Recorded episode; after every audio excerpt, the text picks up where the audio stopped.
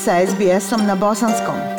Pronađite još sjajnih priča na sbs.com.au kosacrta bosnijan. Bosnijan. Slušate program SBS radija na bosanskom jeziku. Ja sam Aisha Hadži Ahmetović. Gost našeg današnjeg programa je počasni konzul u Novom Južnom Velsu, gospodin Amir Šahinović, koji svojim aktivizmom i pregalaštvom doprinosi razvitku i opstojnosti bosansko-hercegovačke zajednice ne samo u Sidneju, nego i širom Australije. Samo u posljednje vrijeme u toku je nekoliko akcija, čiji je vrlo živi sudionik, ako ne i inicijativ koordinator, gospodin Šahinović. Svoju volontersku misiju počasnog konzula veoma produktivno donosi u zajednicu, spajajući ljude, ideje i pozitivne akcije. Gospodine Šahinoviću, lijepo vas je opet čuti. Srdačna dobrodošlica u program SBS Radija. Dobar dan Iša i dobar dan svim vašim slušalcima. Pozdravljam vas iz hladnog Sidneja i izredna mi je čast biti gost na današnjem programu SBS.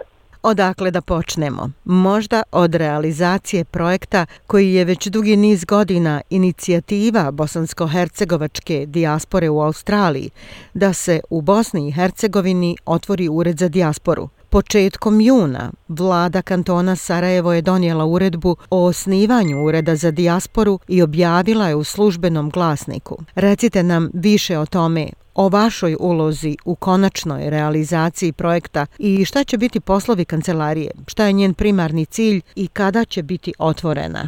Pa kao što ste napomenuli, ideja je o osnivanju ureda dijaspore u Bosni i Hercegovini stara, čini mi se koliko i bosansko-hercegovačka dijaspora. U prethodnih 10 do 15 godina bilo je različiti inicijativa od različitih organizacija, pojedinaca iz čitavog svijeta a također iz e, Australije i Novog Južnog Pelca. Mnogi organizacije pisali su različitim nivoima vlasti, zahtijevali e, da se taj ured dijaspore otvori. Na kraju ipak smo djelimično uspjeli, kao što ste vi napomenuli. U aprilu ove godine vlada je usvojila inicijativu predsjedavajuće skupštine kantona Elvedina Okerića za osnivanje ureda za dijasporu i zadužila Ministarstvu pravde da predusme sve potrebne aktivnosti u pripremi prijedloga akta za osnivanja ureda. To je došlo kao naš zajednički rad koordinacijene grupe u Novom Južnom Velsu, koju smo počeli sa inicijativom početkom ove godine. Zahvaljujući određenim kontaktima u vladi kantona Sarajevo, a posebno htio bih da se zahvalim Amelu Kovačeviću, koji je danas živi i radi u Albaniji, a nekadašnji je ambasador Bosne i Hercegovine u Kini i bio je ministar financija u vladi kantona Sarajevo u prošlom periodu. Znači, zahvaljujući njemu i gospodinu Elvedinu Okeriću, premijeri Fortu, imali smo zajednički sastanak u, u proteklom 3-4 mjeseca i naš konačno radi u, u, u, smo postigli rezultate. Šta je cilj da, Ureda za dijasporu? Prvi cilj je bio a, jačanje saradnje oblasti obrazovanja, nauke, kulture i sporta. Dijaspora će u saradnji sa različitim ministarstvima kantona Sarajevo, univerzitetima i drugim nadležnim organizacijama i institucijama, lokalne samouprave vršiti stručno i administrativno i tehničke poslove u cilju povezivanja i, e, sa institucijama, organizacijama i pojedincima iz dijaspore. Znači, e, predominantno idemo na, da očuvanje naše kulture, e, našeg jezika i povezivanje zajednica i pojedinaca iz dijaspore i kantona Sarajeva. Tu će se također obrađivati zajednički programi na angažovanju, realizaciji projekata, učešća i saradnja mladih, razminjivanja učenika, studenta, mogućnostima dijaspore u zapošljavanju kantonu Sarajevo i posticanje povezivanje privrednika i udruženja privrednika iz zemlje u kojima živi dijaspora sa privrednim subjektima u kantonu.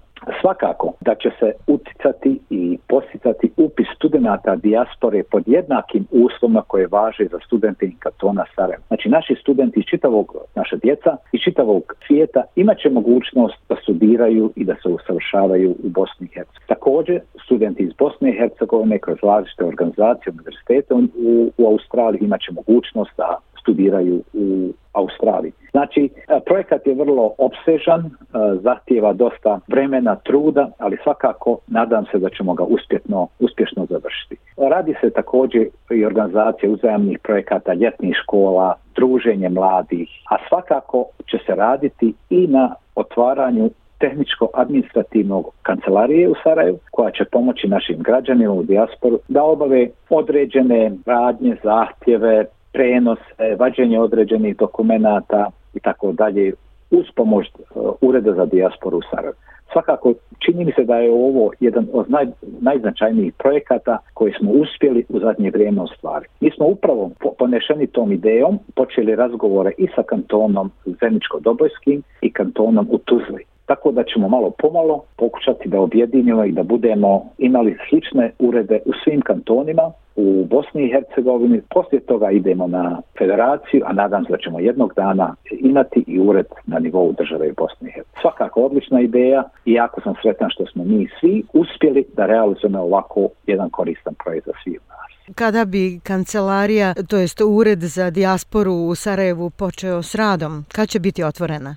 mi smo prošli kroz najteži dio, znači kroz taj administrativni, kroz vladu kantona, kroz skupštinu kantona, tako da su svi ti akti odobreni. Odobrena su i sredstva, sada se Vlada kantona je u procesu raspisivanja konkursa za ljude koji će raditi u dijaspori. Nadam se da će u naredni mjesec do dva uh, ureda dijasporu početi sa radom u Sarajevo. A o tome ću vas svakako obavijesti. Sada je malo e, i vrijeme ljetnih odmora u Bosni i Hercegovini, tako da moramo malo biti strpljivi ali doćemo do tog cilja vrlo ubrzo. Jedna od vaših aktivnosti ovih dana je obilježavanje 11. jula dana sjećanja na Srebrenicu. Mnoge bosanske organizacije i klubovi širom Australije pripremaju programe, komemoracije i svečanosti kako bi na što dostojanstveniji način odali počast ubijenim srebreničanima u genocidu 1995. godine. Ove godine Počasni konzulat u Sidneju zajedno sa drugim organizacijama i pojedincima priprema program komemoracije u ambasadi Bosne i Hercegovine u Kamberi. Gospodine Šahinoviću, recite nam kako teku pripreme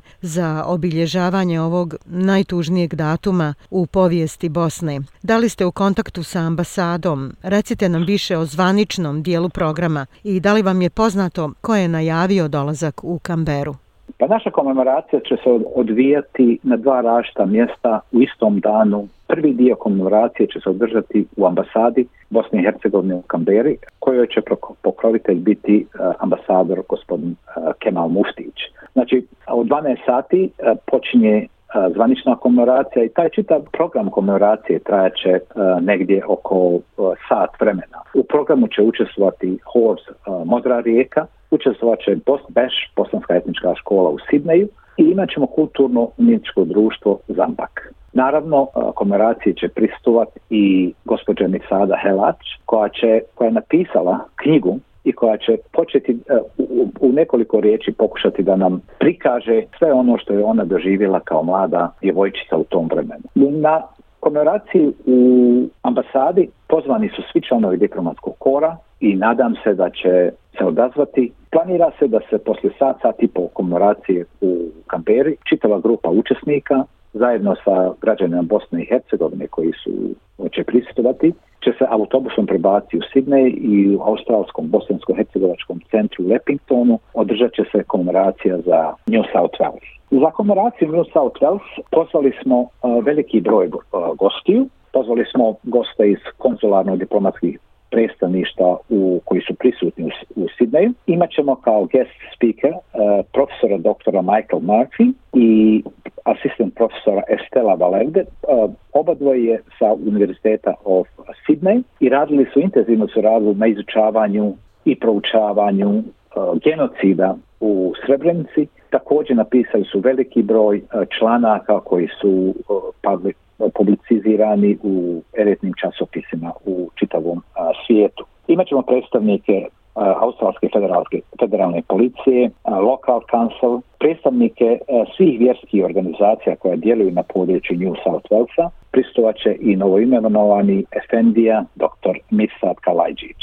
Umeđu smo dobili i različita pisma sa osjećanja Pismo su dobili i od guvernera Margaret Beasley, koja je poslala prije par dana, Jonathan O'Dea, koji je speaker of Parliament New South Wales, minister za education, dr. Anna Ali, profesor Talal Yasin, premier New South Wales, Dominic Perot, a video porukom će nam se obratiti senator New South Walesa u, u federalnom senatu, David Showbridge očekuje me svakako e, dolazak i ministra Eda Husića, a i potvrdu e, dolaska ministra Mark Kor. Prema tome imat ćemo veliki broj gosti i nadam se da ćemo pri ovom prilikom asocirati naše sjeđanja i žaljenja na taj nemili događaj koji se desio prije 27 godina. Ja koristim ovu priliku da se zahvalim svim učesnicima u organizaciji ovog programa, koji su stvarno svojim radom, trudom doprinijeli da napravimo program koji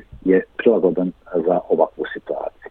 Jedan od vaših većih angažmana je ostvarivanje kontakata i priprema za dolazak ženske košarkaške reprezentacije Bosne i Hercegovine na svjetsko prvenstvo u Australiju. Vi ste još u martu počeli sa popularizacijom ovog važnog događaja za Bosnu i Hercegovinu, učestvujući na izvlačenju parova za prvenstvo i kada ste u nemogućnosti dolaska nekog iz Košarkaškog saveza Bosne i Hercegovine zapravo predstavljali Bosnu i Hercegovinu, a rad na prikupljanju sredstava za njihov smještaj u Sidneju intenzivirao se u posljednje vrijeme. Mada smo nedavno priličili razgovor sa sekretarom Košarkaškog saveza Bosne i Hercegovine, gospodinom Čolanom, možete li nam reći dok li se stiglo u akciji donatorstva i šta je još u planu da se uradi do dolaska reprezentacije?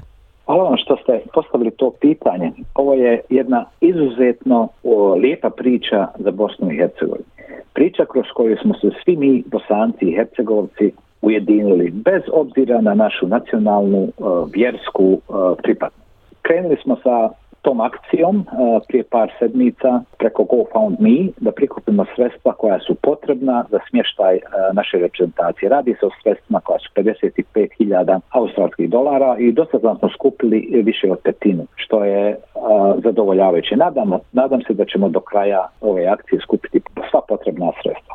Kao što ste već rekli, e, svjetsko prvenstvo će se održati od 29. do 2. 10. E, ove godine u Sidneju i očekujem da veliki broj naših građana iz čitave Australije bodri i pristvoje svim utakmicama naših zmajica.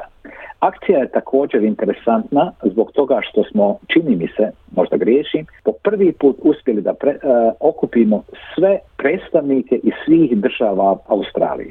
Znači, preključili su nam sve iz Tasmanije, Viktorije, New South Wales, Queensland, e, Western Australia, Tako da, kroz našu zajedničku akciju, kroz naše zajedničko djelovanje, nadam se da ćemo doći do, do, do potrebnih sredstava. Prije par dana imao sam razgovor i sa jednom fundacijom koja se zove 5 miliona prijatelja Bosne i Hercegovine iz Pariza, koji su se zainteresovali da i oni budu učesnici, znači donatori u toj akciji. Tako da će se ta akcija, ne samo da je, jeste da je krenula iz New South Wales, vrlo brzo se proširila po čitavoj Australiji, a na kraju izgleda da će dijaspora iz čitavog svijeta uzeti učešće u toj humanitarnoj akciji. Naša reprezentacija igra u grupi A, očekuju je predstavnici Kine, Belgije, Portorika, Koreje i Amerike i nadam se i vjerujem da će uspjeti da izbori rezultat. U svakom slučaju, sam dolazak na svjetsko prvenstvo je ogroman i najveći rezultat Eh, naše košarkaške, ženske košarkaške reprezentacije. Mi ćemo u narednih sedmica organizovati i donatorske eh, večeri u različitim dijelovima Australije. Za par dana eh, dobit ću video poruku košarkašica iz Bosne i Hercegovine koje će se svojim video porukom obratiti građanima, posancima i hercegovcima u Australiji i zahvaliti im se na sve onom što oni rade i što im pomažu da bi njihov dolazak bio što lakši i što uspješni. Počasni konzulat Novog Južnog Velsa također se angažovao u animiranju bosanaca i hercegovaca u Australiji da se registruju za predstojeće izbore u Bosni i Hercegovini. Pored e, najvećeg angažmana pokreta za domovinu, po podacima CIKA ipak neznatan broj australske dijaspore se do sada registrovao za izbore u Bosni i Hercegovini. Bosni. Gospodine Šahinoviću, kako vi to objašnjavate? Glasanje na izborima u Bosni i Hercegovine je naša građanska dužnost. To je najveći čin demokratije koja nam je demokratija i dala. Ovom prilikom a, želim apelovati za sve naše građane koji žive van Bosne i Hercegovine, prvenstveno za građane koje nas slušaju u Australiji, da uzmu učešće i da glasaju na predstavićim izborama. Sradne vijesti koje primamo iz Bosne i Hercegovine preko vašeg programa, a i preko a, e, program medija koji su nam dostupni iz Bosne i Hercegovine i Australije, svjedoci smo a, da se iz dana u dan a, sve više jačaju snage koje su antibosanske i protiv e, Bosne i Hercegovine. Ovim prilikom apelujem na sve građane da uzmu učešće i da glasaju za jedinstvenu Bosnu i Hercegovinu. Konzulat zajedno sa različitim organizacijama u Novom Južnom Velsu, ako što sam, kao što sam upoznat, i slična akcija se provodi u svim državama u Australiji, je organizovao pomoć svim onima koji nemaju mogućnost, tehničku mogućnost ili određena tehnička znanja da bi se mogli prijaviti. Naši volonteri svake subote i nedelje u Novom Južnom Velsu na raz, četiri različite lokacije su otvoreni da pomognu svim građanima. Možete se prijaviti do 19.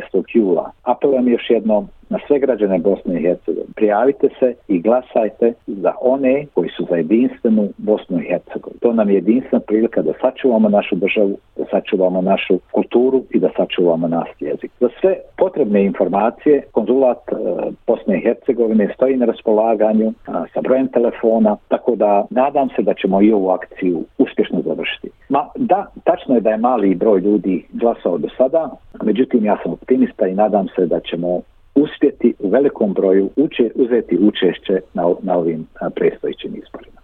U svjetlu svih ovih aktivnosti koje vi poduzimate u cilju doprinosa i promovisanja bosansko-hercegovačke nauke, kulture i sporta u australskom društvu, brojnih pokrenutih akcija dobre volje i patriotske želje da se za Bosnu po lijepom čuje svugdje u svijetu, pa i u Australiji, Šta biste poručili slušateljima našeg radija?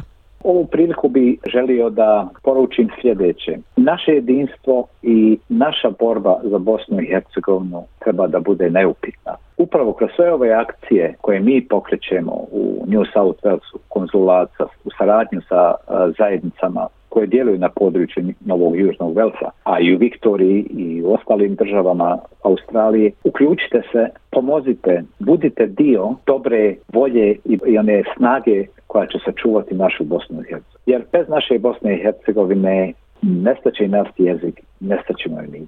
Nadam se da će svi bosanci i Hercegov, patriote, ljudi koji vole Bosnu i Hercegovinu, uraditi sve što je moguće da svojim akcijama, da svojim radom sačuvamo našu e, državu Bosnu i Hercegovinu. A svakako i svojim radom u australskom društvu da pokažemo da smo mi, bosanci i hercegovici, vrijedan narod, narod koji ima svoju 1000-godišnju historiju, koji ima svoju kulturu i na koju smo ponosni svi. Želim vam svima puno uspjeha u radu i koristim ovu priliku da vas sve pozdravim širom Australije. Gospodine Šahinoviću, hvala vam na ovom razgovoru i ovoj lijepoj poruci. Vjerujem da će mnogi koji su vas danas čuli biti motivisani da i sami nešto pokrenu u svom domenu i dodaju u svoju šaru u opštoj slici ljepote Bosne i Hercegovine u Australiji. Hvala vam. Hvala i vama i još jedan put srdačan pozdrav svim slušalcima. U priliku želim da iskoristim da se zahvalim vama Iša i timu SBS-a na svim informacijama koje svake nedelje slušamo na vašem radiju, na jednom prlo korisnom radu za našu Bosnu i Hercegovinu, za učuvanje naše kulture i jezika. SBS na Bosanskom. Podijelite naše priče preko Facebooka. Želite poslušati još ovakvih priča? Želite poslušati još ovakvih priča? slušajte preko Apple podcasta, Google podcasta, Spotify ili kako god da primate svoje podcastove.